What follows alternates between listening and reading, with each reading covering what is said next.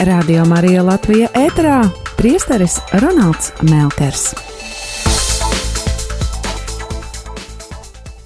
Turpmākajā pusstundā pakavēsimies pie lieldienlaika septītās svētdienas dievvvārdu lasījumiem, pārdomājot katru no tiem atsevišķi.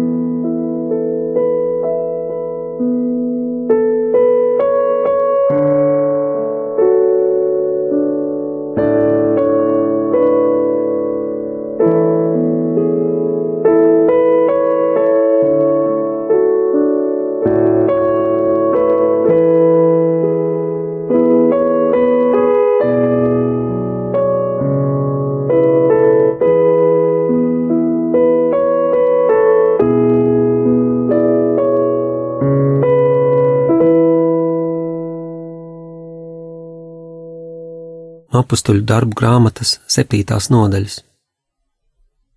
Diekons Stefans, svētā gara pilns, skatījās uz debesīm un redzēja dievu godību, un Jēzu stāvam pie dieva labās rokas, un iesaucās: Lūk, es redzu atvērtas debesis un cilvēka dēlu stāvam pie dieva labās rokas. Bet viņi sacēla lielu troksni, aizbāza savas ausis, un visi reizē metās viņam virsū.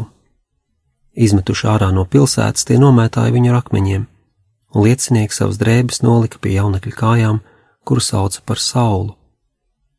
Tā viņi nomētāja ar akmeņiem Stefanu, kas lūdzās un sacīja: Kungs Jēzu, pieņem manu garu, un nokritis ceļos, viņš iesaucās skaļā balsī: Kungs, neieskaita viņiem šo grēku. To pateicis, viņš aizmiga. Stefans tiek apsūdzēts tieši tāpat kā Jēzus, tieši to pašu iemeslu dēļ. Tur nekā pārsteidzoša nav. Jo tas, kas bija Jēzus pretiniekiem par ieļaunojumu, tieši tāpat ir Stefana ienaidniekiem, un tie ir tie paši cilvēki būtībā. Un, protams, ka Stefans arī tiks notiesāts, un sākumā viņš tiek vests Sindrī priekšā, kur augstais priesteris viņu nopratina, Un Stefans viņam atbild ar veselu runu par tēmu: Jūs taču ticat Dieva plānam, jūs ticat, ka Dievs ir izvēlējis mūsu tautu un lai Mesija varētu tikt dots pasaulē, un jūs taču ticat Abrahamam, jūs ticat Mūzum. Kāpēc tagad šajā pēdējā posmā, kurā mēs ieejam ar Jēzu, kāpēc jūs atkāpjaties? Un mums vajag tikai mēģināt iztēloties, cik šie Stefana apgalvojumi ir patiesībā lieli, tad viņš saka, ka viņš redz cilvēka dēlu, un priekš viņa tas ir viennozīmīgi Jēzus, stāvam pie Dieva labās rokas. Un jūdiem šī izteicieni cilvēka dēls, stāvēt pie Dieva labās rokas, ir ļoti, ļoti spēcīgi vārdi. Tik spēcīgi, ka tie nodrošina Stefanam nāves spriedumu, jebkuram, kurš kaut ko tādu uzdrošinātos teikt. Un ļoti līdzīgi kā vairākus gadus iepriekš notika Jēzus notiesāšana. Lūkas evanģēlijā Mēs lasām, ka Jēzus saka saviem tiesnešiem, turpmāk jūs redzēsiet Dieva dēlu, sēžam pie visvarenā Dieva labās rokas. Un tas izsauca traci tajā tribunālā. Un Stefans šeit īpaši nepalīdz arī, ka viņš sāk runāt par to, ka viņi pretojas svētajam garam. Tas nevar viņiem patikt, un te nav runa tikai par tādu, kā mēs teiktu, uzbraucienu, bet viņi ir pilnīgi pārliecināti, viņi ir Izrēļa garīgās autoritātes. Tad viņi cenšas būt labi, cenšas darīt labu, cīnās tur par kaut kādām lietām, ja, un viņi ir pilnīgi pārliecināti par uh, savu pareizumu. Un, ja kāds saka šādai te garīgai autoritātei, tu pretojies svētajam garam, tad, uh, ja vien tā garīga autoritāte nav arī uh, patiešām garīga, pazemīga, tad tas var izraisīt tikai vienu, vienu reakciju. Tā ir vienkārši tukša apsūdzība. Uh, tas, tas cilvēks ir mēlis vai tam līdzīgi. Un, un kopš gadsimtiem taču viņi zināja, ka Dieva plāns bija svēto garu dāvāt visai cilvēcei. Mūzis jau par to sapņoja. Atcerieties, viņš taču negribēja to tuvumu, tās tuvās attiecības ar Dievu, kas viņam bija, paturēt sev kā tādu monopolu. Jā, viņš teica, ah, kaut nu, kaut nu kunga tauta kļūtu par praviešu tautu, ka kunga gars varētu būt pār viņiem. Un pravieši, citi pravieši to bija vairāk kārt apstiprinājuši. Jā, tas ir Dieva nodoms.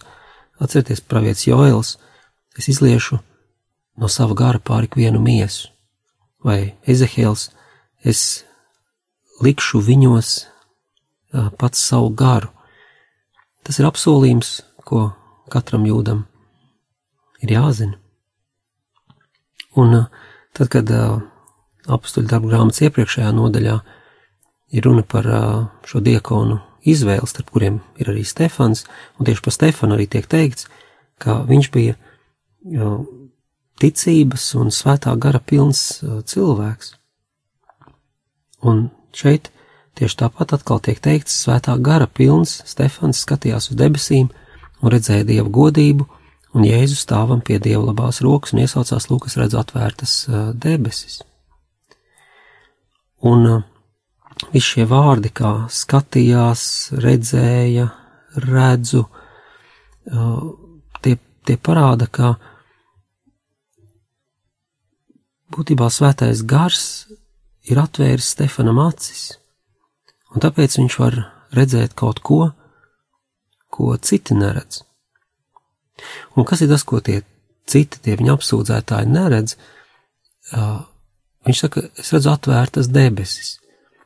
Un tas ir tas pats, kā pateikt, es redzu, ka pestīšana ir atnākusi. Tad vairs nav robežas, vairs nav atdalījuma starp zemi un debesīm. Derība starp dievu un, un cilvēci ir atjaunota. Tā plaisa, kas, kas šķīra cilvēks no dieva, ir, ir aizbērta. Atcerieties, praviešu izsai vārdus, ah, kaut tu atvērtu debesis, un te nu tie ir piepildījušies. Te nu tas ir noticis. Stefans to redz tik skaidri. Nākošā lieta uh, - Jēzus stāv. Es redzu viņu stāvam pie dieva labās rokas. Un tā ir viennozīmīgi šī augšām celšanās laika valoda. Jēzus nav vairs guldīts nāvē, viņš neguļ miris, viņš ir augšām cēlies, viņš stāv. Un, un šis, te, šis te vārds stāvēt ir, ir tik simbolisks bijis un tik dārgs uh, pirmajiem kristiešiem, ka šī poza stāvēt kājās uh, drīz vien kļuva par liturģijas tādu privileģēto pozu, Un, teiksim, ja kāds tika attēlots kā lūdzējs, kāds, kas lūdzās, mēs šodien iztēlot uz šiem cilvēku sakumpušu uz ceļiem, saliktām rokām, bet, bet viņi attēlot cilvēku stāvam kājās. Uh, un, un tieši tā paša iemesla dēļ arī pirmo, pirmo gadsimtu uh, bīskapi, uh, viņi mudināja ticīgos palikt kājās visas svētdienas svētās misas laikā. Atcerieties, svētdiena ir kunga augšām celšanās diena, un tā ir diena, kurā mēs, mēs pieminam kunga augšām celšanos, tāpēc mēs visas liturģijas garumā stāvam kājās. Prakse, kas daudzās kristiešu kopienās joprojām ir aktuāla. Un, un svētais Irenejs otrā gadsimtā savā traktātā par, par lieldienām, viņš saka, ka tas paradums nelocīt ceļus kunga dienas, tad svē, kung, kunga dienā, svētdienā, simbolizē augšām celšanos, caur kuru mēs tikām atbrīvoti, pateicoties Kristum, no grēkiem un no nāves, kas tika nogalināta caur viņu.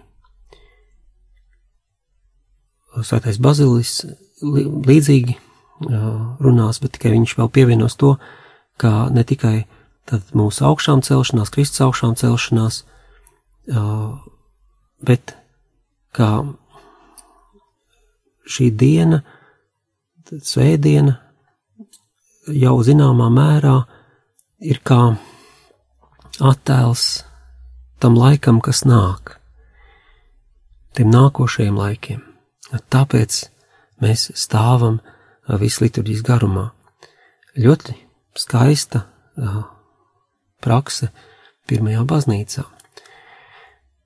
Tālāk Jēzus, kas stāv pie Dieva labās rokas, no to parasti teica par valdniekiem, ka viņi ir pie Dieva labās rokas, ka viņi ir Dieva labā roka, un, ja kāds šādus vārdus attiecinātu uz Jēzu, tad, protams, ka viņš to norādītu, ka Jēzus tātad ir Mesija.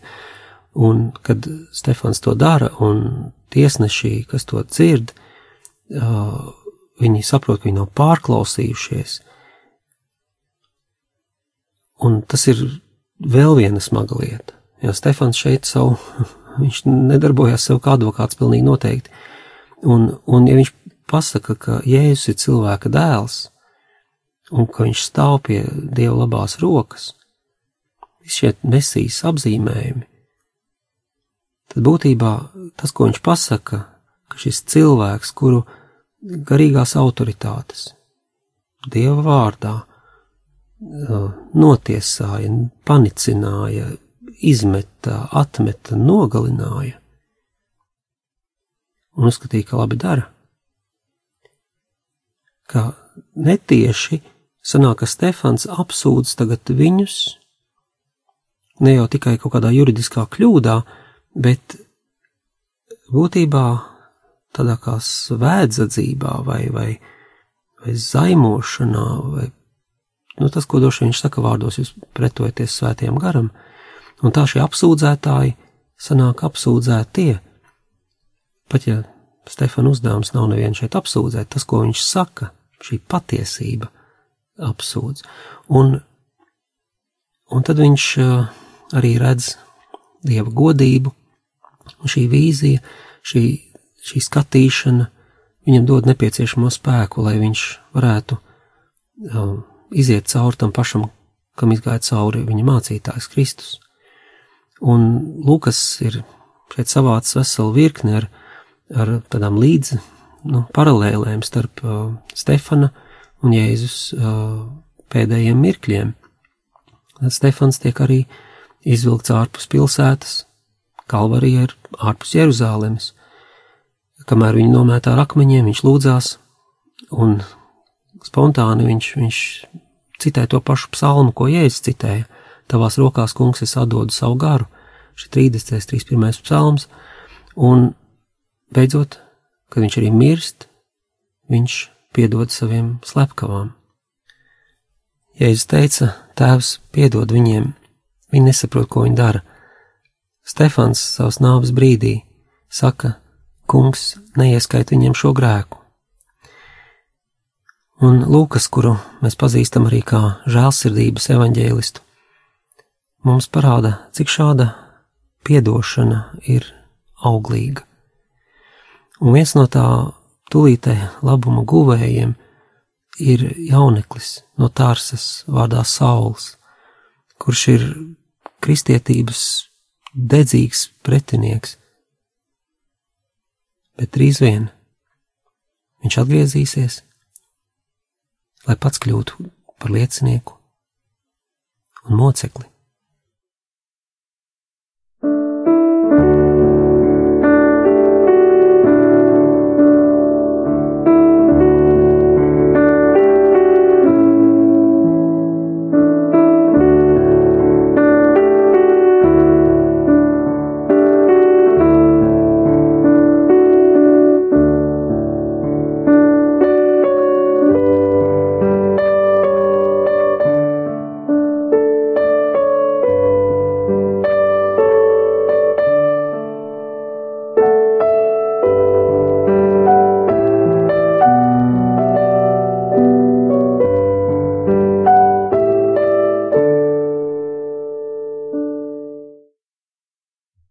97. psalma.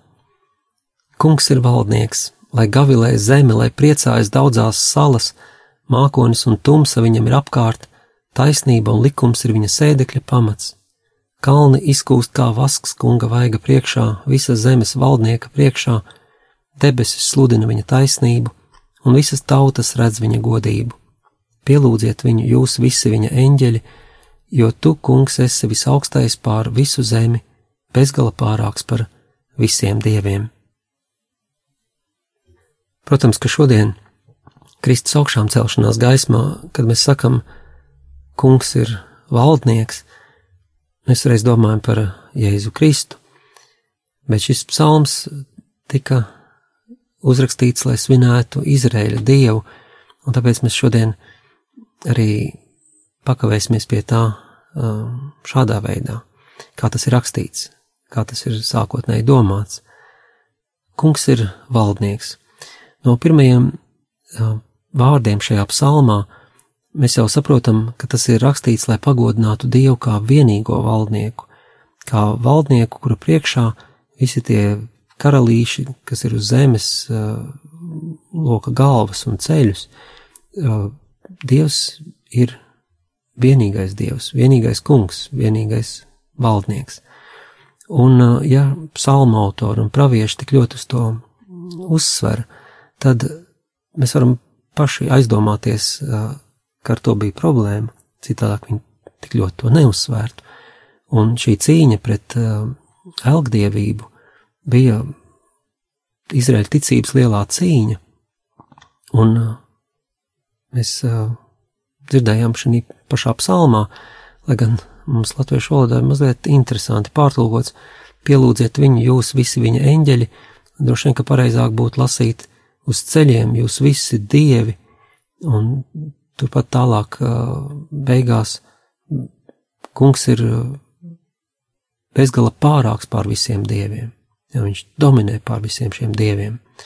Un nebaidīsimies no šī tulkojuma, jo tas nenozīmē, ka ir citi dievi, nu, teiksim, vājāki par dievu, dievu, kuriem tagad būtu jāpagodina lielais dievs. Tad, kad šis psalms tiek rakstīts, Bībele jau ir tikusi galā ar jebkādiem politeismu, šīs tautsdievības paliekām. Jā, klausies, Izraēla kungs, mūsu dievs ir viens vienīgs kungs. Tas ir ticī, jūdu ticības pirmais, pirmais artikuls. Tā ir pirmā lieta, kam tic viens jūds. Un līdz ar to šāda, šāda teikumi, kā uh, uz ceļiem jūs visi dievi, vai arī tu valdi pār, tu esi bezgalā pārāks pār visiem dieviem, ir ļoti, ļoti skaidri. Ir, ka ar to tiek parādīts, ka tikai ir viena būtne, kuras priekšā mēs metamies ceļos, kuras priekšā visiem ir jāmetās ceļos, un tas ir Dievs, Izraēļa Dievs, vienīgais Dievs. Un uh, jebkāda ceļos mešanās citu uh, dievu, jā, elku priekšā, protams, ir pēc definīcijas elgdievība. Un uh, tas ir tas, kādēļ Jēzus tiek arī notiesāts un, un, un uh, nogalināts. Viņš uzdrošinājās uh, teikt, ka viņš ir Dievs. Tātad viņš ir zaimotājs, un jebkuram zaimotājam ir jātiek izrautam no, no izvēlētās tautas, tieši tāpēc, lai visai pasaulē pasludinātu, ka Dievs ir tikai viens. Cita Dieva nevar būt. Un uh, sapratīsim arī Izraēlu, viņiem visas tautas apkārt ir daudzdievībā. Un, tiksim, Eģiptē šis faraons Akenatons, kurš 1350. gadā pirms Kristus viņš taisa to savu slaveno reliģisko reformu, pat viņš uh, neaiziet tik tālu kā līdz pilnīgam monoteismam. Ja viņš nekad nespēja pat iztēloties, ka varētu būt viens dievs, kas nu tad valda pār visu pasauli.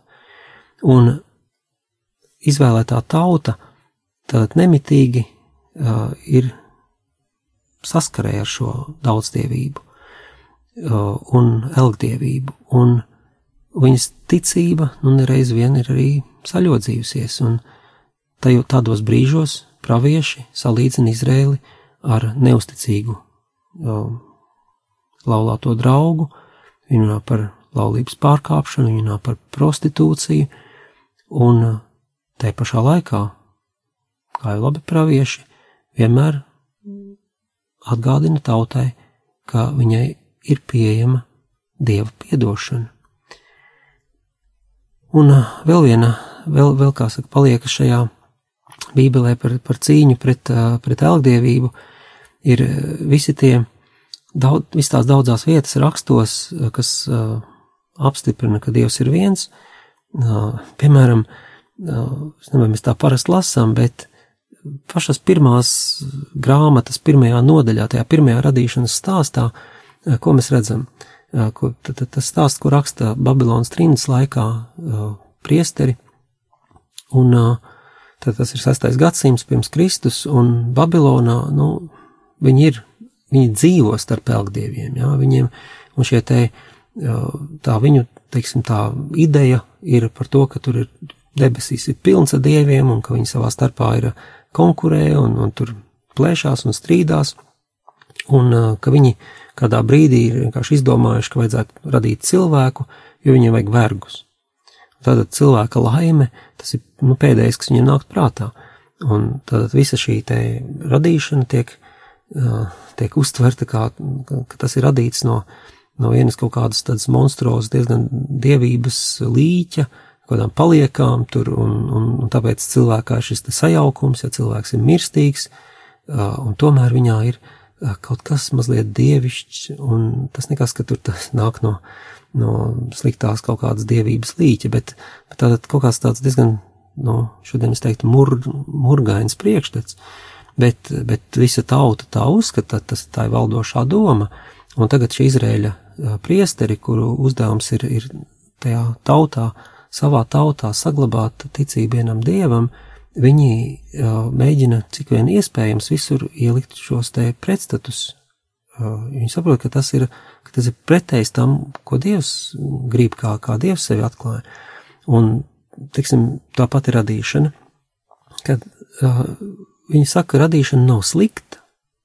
Tā nav kaut, tur nav kaut kāds sajaukums starp kaut kādu tur um, monstroza dievības līķi, tur uzvarēta, tur bojā gājuša, un, un tāpēc tur ir tas ļaunums pasaulē kaut kas tam līdzīgs. Nē, kad ir runa par, par radīšanu, jā, kā noslēdz gan visu katra diena, un Dievs redzēja, ka tas bija labs, viņš redzēja to par labu esam, viņš atzina to par labu. Tad radīš, radība ir laba. Un uh, vēlāk piemēram, lai uh, ap, nu, apgalvotu to, ka ir tikai viens dievs, vai bez jebkādiem variantiem, ka vienkārši nav, nevar būt cita, cita dieva, uh, tad, piemēram, uh, nu, lai mums neienāk prātā pielūgt sauli, teikt, tur dziedāt to savu spīguļo saulīt, ja, vai mēnesi, kā, kā tur dievības, tad uh, Bībele pat viņas nesauc vārdā, vienkārši saka, ka Dievs radīja divus uh, gaismekļus, viens, kas tur spīdēs dienā, viens, kas spīdēs naktī, un būtībā viņš viņus uh, reducēja līdz vienkārši, nezinu, spuldzītas, uh, spuldzītas līmenim, ja, tad viņa uzdevums ir ļoti utilitārs, vienkārši dot gaismu. Ja nolikt savā vietā, tās nav nekādas dievības, tās vienkārši divas lampiņas. Un, un beidzot, un pāri visam, protams, tas ir Dievs, kas rada cilvēku, jā, rada pēc sava attēla un savas līdzības, un tad viņu padara par valdnieku pār šo radību. Cilvēks, kas ir radīts pēc dieva attēla, uh, nu, tur ir vajadzīga atklāsme, lai, lai tik tālu nonāktu. Ja? Un atgriežoties pie mūsu psalma, ir vēl viena ļoti interesanta lieta, ja šī te pretstatīšana uh, starp uh, blakus nolikšana tāda, ja, kad mēs, mēs sakam, kungs ir valdnieks, un uzreiz blakām, lai gavilē zeme. Un tā tad uh, ar to tiek pateikts, ka Dieva valdīšana, jā, tā ir pār visu pasauli, bet tauta par to ir sajūsmā, gavilē. Tad mums tiek pateikts, ka uh, no vienas puses šis te universālisms atkal, jā, ļoti, ļoti svarīgi, ka Dievs tas ir Bībeles lielais atklājums, kā, ka visi, ja te bija teikts, lai priecājas daudzās salas, šīs nesaskaitāmās salas, vai arī mazliet tālāk, visas tautas redz viņa godību. Ja, tad mums ir no vienas puses pateikts, jā, ir šī izredzētā tauta, un vienmēr kopā būs uh, visas citas tautas. Tas ir prieks dieva tautai, tā gavilē, bet uzreiz klāt ir visas pasaules pestīšana. Un šīs te divas, divas lietas, jā, tad Izraēļa izredzētība un pasaules pestīšana, visas pasaules pestīšana, kas tik ļoti labi turās kopā, tas nāk tanī brīdī, kad atklāsme savā pakāpeniskumā atnāk līdz atziņai, ka Dievs patiešām ir viens Dievs, nevis tur lielākais no visiem dieviem, bet vienīgais Dievs. Un ja Dievs ir viens, tad viņš ir Dievs visām, visai cilvēcei, visām tautām, salām, bez skaita, daudzajām salām. Un uh, vēl viens, uh, vēl viena lieta, kas arī ļoti, ļoti klātsoši ir tieši šis prieks, kas laužās no katras vindiņas ārā šajā psalmā, un tieši tāpat kā būtībā no visas bībeles, tā ir, tā ir priecīga grāmata, un tāpēc, ka tā tūkstošos dažādu veidu mums pasaka, ka Dieva nodoms ir cilvēces laime, un tā kā Dieva nodoms par cilvēci ir prieks un, un, un um, gavilis un laime, tad Mēs saprotam, kāpēc tādi ticīgie kā Stefans, par kuru mēs uh, dzirdējām iepriekšējā lasījumā, varēja mirt, sakot ar pilnu pārliecību: Tavās rokās, kungs, es atdodu savu gāru.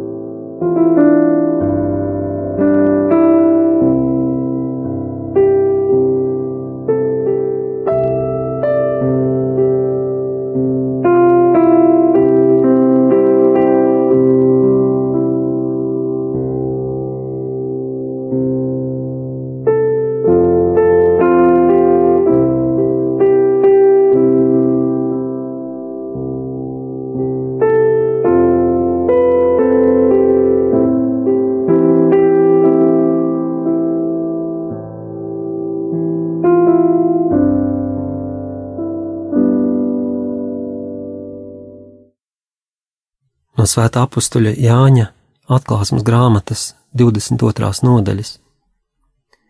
Es Jānis dzirdēju balsi, kas man sacīja: Lūk, es drīz nākšu, un mans atalgojums ir pie manis, lai katram atlīdzinātu pēc viņa darbiem. Es esmu Alfa un Omega, pirmais un pēdējais, sākums un gals. Svētīgi tie, kas mazgā savas drēbes, lai viņiem būtu vara pār dzīvības koku, un viņi pa vārtiem ieietu pilsētā. Es, Jēzus, nosūtīju savu eņģeli, lai jums to apliecinātu par baznīcām. Es esmu atvasino un Dāvida dzimums, spožā rīta zvaigzne. Un gars un līgava saka, nāc, un kas to dzird, lai saka, nāc, un tas, kam slāpst, lai nāk, un kas grib, lai smeļ dzīvības ūdeni, bez maksas. Tas, kurš par šo visu sniedz liecību, saka: Jā, es drīz nākšu. Amen. Nāc, kungs, Jēzu. Šis ļoti svinīgais teksts ir Jāņa atklāsmes grāmatas noslēgums vai fināls, kā mēs to teiktu, un patiesībā tas ir ļoti labs vārds, jo tas mums palīdz saprast šo citādi diezgan noslēpumaino rakstu vietu, jo tā kā tādā labā simfonijā fināls ir tas noslēgums, bet te pašā laikā uvertīrā, sākumā jau viss bija pateikts. Tas tikai tā ir tikai kā tāda kulminācija, kā tāds salūts svētkos, bet sākumā tas jau viss jau tur bija. Un, uh, un mēs redzam, kā tiek izmantot tie paši vārdi, tie paši formulējumi. Un mēs jau iepriekš runājām par inklūziju, tas ir tāda metode, tāds literārais, literārais paņēmiens Bībelē, kad ja tu gribi kaut ko izcelt, tad pasaki vienu frāzi, pasaki to, kas ir svarīgs, un atkārto to pašu frāzi vēlreiz, un tad lasītājs nāk atpakaļ uz iepriekšējo reizi un lasa vēlreiz un pievērš tam uzmanību. Un šeit būtībā mums sanāk, ka visa grāmata tiek ielikt tādā kā, kā inklūzijā, jo pirmā un pēdējā nodaļa vairākās, vairākās vietās sasaucās, un, un lūk, viņš nāk mākoņu vidū, un visi viņu, viņu redzēs, ja ne, kaut kas tāds tur sākumā bija, un šeit beigās, lūk, es nāku. Un tad uh, nāku tūlīt, ja nekavējos. Uh, un šis lūgums uh, nāca kungs Jēzu vai kungs Jēzus nāk. Šī tēma ir sākumā un, un beigās. Uh, vai, piemēram, uh, tie paši Jēzus vārdi, es esmu pirmais un pēdējais. Mēs to atrodam pirmajā nodaļā, un šeit es esmu alfa un omega. Mēs to atrodam pirmajā nodaļā, un šeit tā kā mums ir uh, nepārprotami pateikts, cik svarīga šī grāmata ir. Un, uh,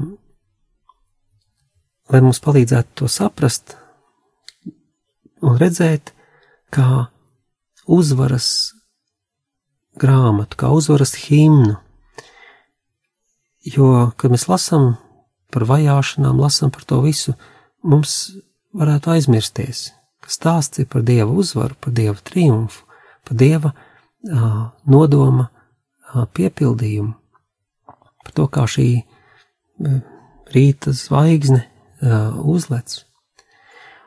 Un tur ir aicinājums visiem nākt pie dzīvās ūdens, dzīvā ūdens avota, ja ikvienas slāpes tiks piepildītas, pat nāve būs uh, izzudusi, tāpēc arī dzīvais ūdens. Un arī tas tā kā tie augļi, kas dzīvības koks, dzīvības koka augļi paradīzes dārzā. Un tas jau mums patiesībā šeit tiek gandrīz vai pasaka, ka, ja mēs paņemam ne tikai pirmo nodaļu šajā atklāsmes grāmatā, bet ja mēs paņemam pirmo grāmatu Bībelē un pēdējo grāmatu Bībelē, tas mums pasaka, ka viss viss šis bībeles stāsts, kas arī ir sarežģīts, kas ir pilns ciešanu un pārbaudījumu, ja mēs paskatāmies pašu sākumu, paskatāmies beigas, mēs redzam, ah, tas ir, tas ir par to tas viss ir, vai ne? Un, un sākumā mēs redzam Dievu, kurš jā, ir vienots ar savu tautu, un mēs to redzam arī, arī beigās. Un, un viņš ir tas, kas nāk. Sākumā kaut kā psalmos mums ir teikts, sveitīts, kas nāk kunga vārdā, psalmā, ko tajos būdiņu svētkos tik bieži citē, un tas ir tie ir svētki visi, kas ir par mesiju, par pestītāju, atkal mums ir kaut kas no vecās derības, un, ja es saku, lūk, es nāku, tad viņš ir tas pestītājs, viņš ir uh, gaidītais mesija. Un uh, līdz ar to mums arī tiek uh, skaidri parādīts, ka mesija nav vienkārši kāds super cilvēks, ka mesija ir Dievs, ka Dievs pats nāk mūs pestīt, un to jau nu neviens izdomāt pats nevarēja. Tur tas ir, tā ir tik vērtīga atklāsmes daļa. Dievs mūs izglāba, Dievs kļuva par mūsu pestītāju. Mēs gaidījām supermeni, Dievs pats atnāca. Un uh, tas ir vairāk kārt, jo arī tiek, ja es izmanto šo vārdu, es esmu, nu, mēs zinām, ka tas ir Dieva vārds. Un arī tā kā atklāsmes grāmatā skaitlis trīs ir Dieva skaitlis, ja mēs redzam, kā Jānis šeit izmanto tos sinonīmus. Viņš saka, es esmu, tas Dieva vārds, un tad ir alfa un omega, pirmais un pēdējais sākums un gals, tad trīs izteicieni, jā, aha, tā tad runa ir par Dievu. Un Un pirmais un pēdējais, atkal, tas atkal ir vecajā derībā. Jā, Dievs saka, es esmu pirmais, es esmu pēdējais, ārpus manis cita dieva nav, pie pravieša izsēja, turpat tās tālāk dažas nodaļas, es esmu pirmais, es esmu pēdējais. Nu, un alfa un omega, protams, tas ir sinonīms tai pašai domai. Mēs zinām, kā alfa ir grieķu alfabēta. Pirmais burts, omega ir pēdējais, un uh, atklāsmes grāmatas rakstīta grieķiski, tā ka tur viss ir kārtībā, uh, bet ļoti līdzīgi tiem psalmiem, kurus mēs jau pieminējām, tiem alfabētiskiem psalmiem, kas arī tiek rakstīti ar katru rindiņu ar nākošu alfabēta burtu no A līdz Alef līdz Tav, mēs teikt no A līdz Z, to parādot, ja, ka šī derība skar visu, no visu mūsu dzīvi, no, no, no sākuma līdz beigām, no visu cilvēku, ka tā iekļauj pilnīgi visu. Tas ir viens viens ļoti, ļoti skaists veids, kā, kā to uzsvērt. Mēs lieldienas vecē arī ieliekam alfa un omega. Un tad piepildījums, piepildīšanās, pilnība, tas viss, ko, ko šie teksti mums, mums saka. Un arī ir uzsvars uz gars un līgava, saka, nāc, un līgava, protams, tā ir baznīca, kā sētais Pāvils arī vēstulē romiešiem saka par garu, kad viņš nāk palīgā mūsu nespēkam, mēs nezinām, ko mums lūgt un kā, bet pats gars aizlūdz par mums ar šīm bezvārdu daudzajām nopūtām. Un tā arī mēs esam, esam tauta, kas, kas gaidām, tauta, kas dzimstam, tauta, kas esam nepacietīga, mēs dedzīgi gaidām, ar nepacietību gaidām, kad beidzot šī Dieva valstība, kas jau ir atnākusi, bet vēl nav atnākusi, un kad tas beidzot pietiks, pienāks tā diena. Un, un tā ir viena no galvenajām lietām, kas raksturo kristīgo tautu, tieši šī gaidīšana, tā būtībā arī, arī dieva tautu, Izrēli. Un, un tik ļoti, ka Pēterim nākas skaidrot, kāpēc tad kungs kavējas, un viņš saka, viņš nav aizmirsis savu solījumu vai, vai, vai kaut kā tā, kā daži saka, viņš ir kavējies. Nē, viņš vienkārši, viņš um, ir izrāda pacietību attiecībā uz mums, un, un viņš vēlas, lai pilnīgi visi tiktu glābt, lai dotu vēl iespēju atgriezties cilvēkiem, tāpēc viņš vēl, vēl mazliet kavējas, un mēs jūtam, cik tajā pirmo gadsimtu, pirmā gadsimta kopienā, cik, cik, cik liela dedzība bija, cik liela gaidīšana un nepacietība bija redzēt kunga dienu, un tāpēc arī tās svētdienas, kurās tika svinēta kunga augšām celšanās, tika svinēta tādu, tādu dedzību. Mēs dzirdējām pie tiem dažiem bīskapiem stāvot kājās, tāpēc, ka mēs esam augšām cēlušies, bet jā, mēs vēl nestāvam Dieva troņa priekšā debesīs, tas vēl tikai nāk, tam mēs vēl tikai gatavojamies uh, piedzimt.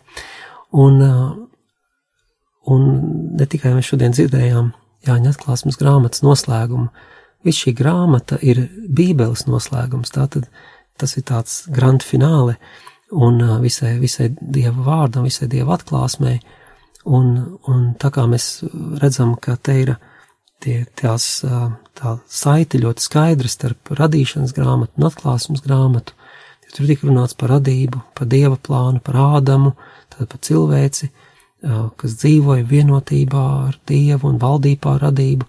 Tā šajā te finālā mēs atkal redzam runa par Dieva nodomu, kas tagad jau ir realizējies, jā, Dievs ir atguvis mūs Kristus personā šajā jaunajā ādamā, un kad pēdējā dienā tagad Dieva plāns pilnībā piepildīsies, tad visa, visa tauta varēs būt kā šis noslēgums Dieva radīšanai, radībai, un par to varēs teikt, par mums visiem varēs teikt, par visiem tiem, kuriem mēs būsim parādījuši ceļu uz Dieva valstību, visiem, kad būsim tur sapulcējušies, varēs teikt, Dievs teikt, lūk, tas, tas, ko es radīju, tas, ko es izdarīju, un tas ir, tas ir ļoti labs, jā, tā, tas ir ļoti labs, tā, tas ir spriedums, ko, ko mēs jūtam šajās Jāņa atklāsmes uh, grāmatas uh, noslēguma rindās. Un tā tad uh, Dieva plāns, ja, kas ir pilnībā izpildījies Kristū, un kas mūsos vēl tikai realizējās, vēl, vēl uh, izpildās. Un Svētais Pāvils vēstulē romiešiem to skaisti salīdzina ar šīm te dzemdību sāpēm, sakot, mums ir zināms, ka visa radība vēl aizvien līdz ar mums klusībā nopūšas un cieš sāpes, bet šīs sāpes nav bezgalīgas. Tās ir jaunās dzīvības ienākšanas, jaunā pasaulē vēstniecis.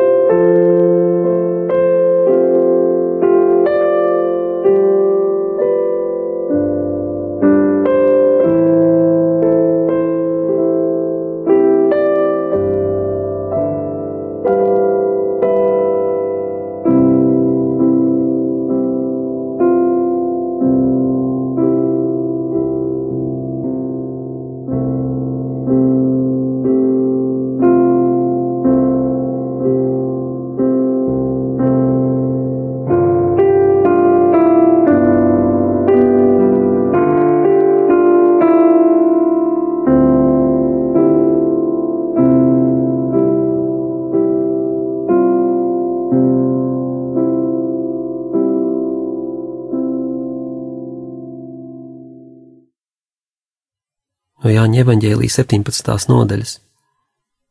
Pēdējo vakariņu laikā Jēzus pacēla savas acis uz debesīm, lūdzās par saviem mācekļiem, sacīdams: Svētais Tēvs, es lūdzu ne tikai par viņiem, bet arī par tiem, kas viņu vārdu dēļ ticēs man, lai viņi visi ir viens, tāpat kā tu tēvs manī, un es tevī, lai arī viņi ir mūsos, tā ka pasauli ticētu, ka tu mani sūtīji. Un godību, ko tu man devi, es devu viņiem, lai viņi būtu viens, kā mēs esam viens. Es viņos un tu manī, lai viņi būtu pilnīgi vienoti, tā ka pasaule atzītu, ka tu esi mani sūtījis un viņus esi mīlējis tāpat, kā mīlēji mani. Tēvs, es vēlos, lai tie, kurus tu man devi, būtu kopā ar mani tur, kur esmu es, lai viņi redzētu manu godību, ko tu man devi, jo mani mīlēja jau pirms pasaules radīšanas. Taisnīgais tēvs, pasaule tevi nepazina, bet es tevi pazinu, un viņi atzina, ka tu esi mani sūtījis. Un tavu vārdu es viņiem darīju zināmu un darīšu zināmu, lai mīlestība, ar kādu tu mani mīlēji, būtu viņos, un arī es būtu viņos. Mēs esam pēdējo vakariņu telpā, tas ir pēdējais vakars, Jēzum kopā ar mācekļiem.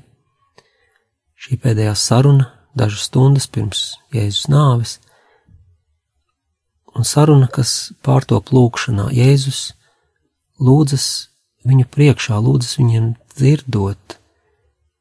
Viņš ļauj viņiem pietuvoties, un viņš dalās tanī, kas ir viņa visdziļākā vēlēšanās, kas ir viņa visdziļākās, dziļākā vēlme. Un par ko tad viņš runā šajā lūkšanā? Kas Jēzum ir tik svarīgs? Tā ir pasaule. Ko viņš vēlas ar visu savu spēku, lai pasaule ieticētu. Viņš saka, lai viņi visi ir viens, tāpat kā tu tēvs manī un es tevī, lai arī viņi ir mūsos, tā ka pasaule ticētu, ka tu mani sūtīji. Un mazliet tālāk viņš to arī atkārtos, lai viņu šī vienība ir pilnīga, tā lai pasaule zinātu, ka tu mani sūtīji. Kāpēc tas ir tik svarīgi, lai pasaule atzīst Jēzu par tēva sūtīto. Tāpēc, kā tikai tad pasaule patiešām sapratīs, cik ļoti Dievs to mīl, jo šī dēla sūtīšana ir skaistākais Dieva mīlestības pierādījums, kādu viņš var sniegt pasaulē.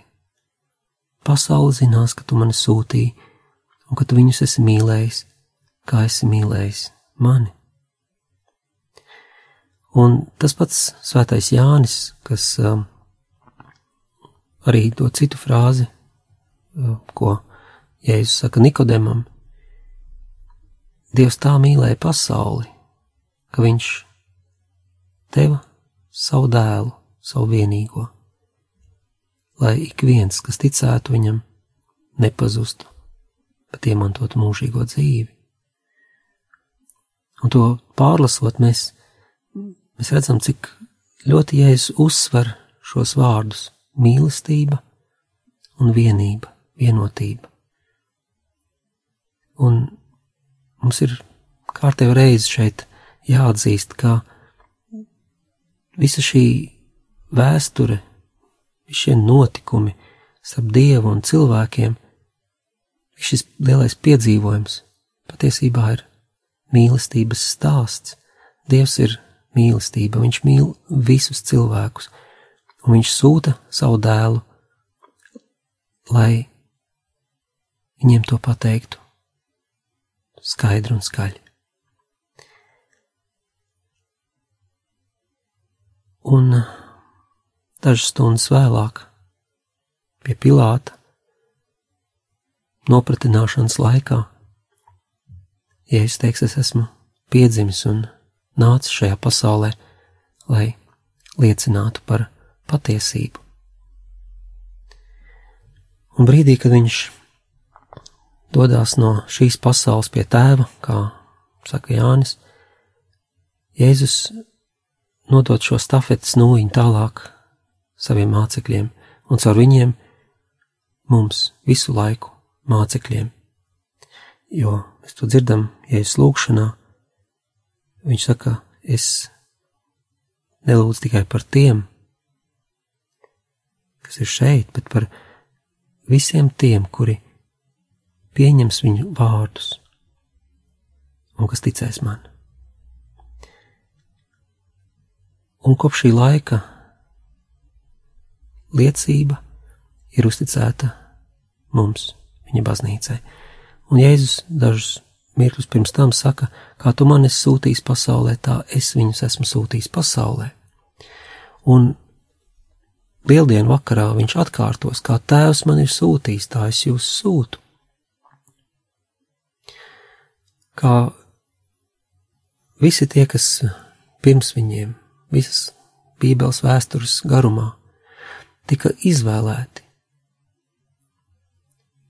priekš misijas visa šī izredzētība atsevišķiem praviešiem vai kaut vai visai tautai vienmēr bija ar kādu konkrētu misiju. Un šī misija ir tā pati, un visiem praviešiem visos laikos. Tā ir pasludināt, ka Dievs mīl cilvēkus. tā izpaudīsies dažādi, bet būtība nemainīsies. Un tad, kad sekojot Jēzum Kristum, katram kristietim ir jāsaka, vai vismaz mums vajadzētu varēt pateikt, es esmu piedzimis, esmu nācis šajā pasaulē, lai liecinātu par patiesību, un šī patiesība, kas ir mīlestība bez jebkādiem ierobežojumiem, no Dieva uz cilvēci, šī patiesība ir, tā kā Pāvils vēstule efeziešiem saka, tas um, labvēlīgais nodoms. Tā ir tik skaista, tā ir tik svarīga. Un tomēr tajā visā ir kaut kas neparasts. Cilvēki jūtas traucēti šīs vēstas priekšā. Viņi nepieņem. Tik tālu, ka Jēzum nācās samaksāt par šo vēsti ar savu dzīvību, tāpat kā daudziem praviešiem pirms viņa un daudziem, daudziem kristiešiem pēc. Un tieši šo te jautājumu arī Jēzus uz pēdējās rindiņās šeit saka, Tēvs, pasaule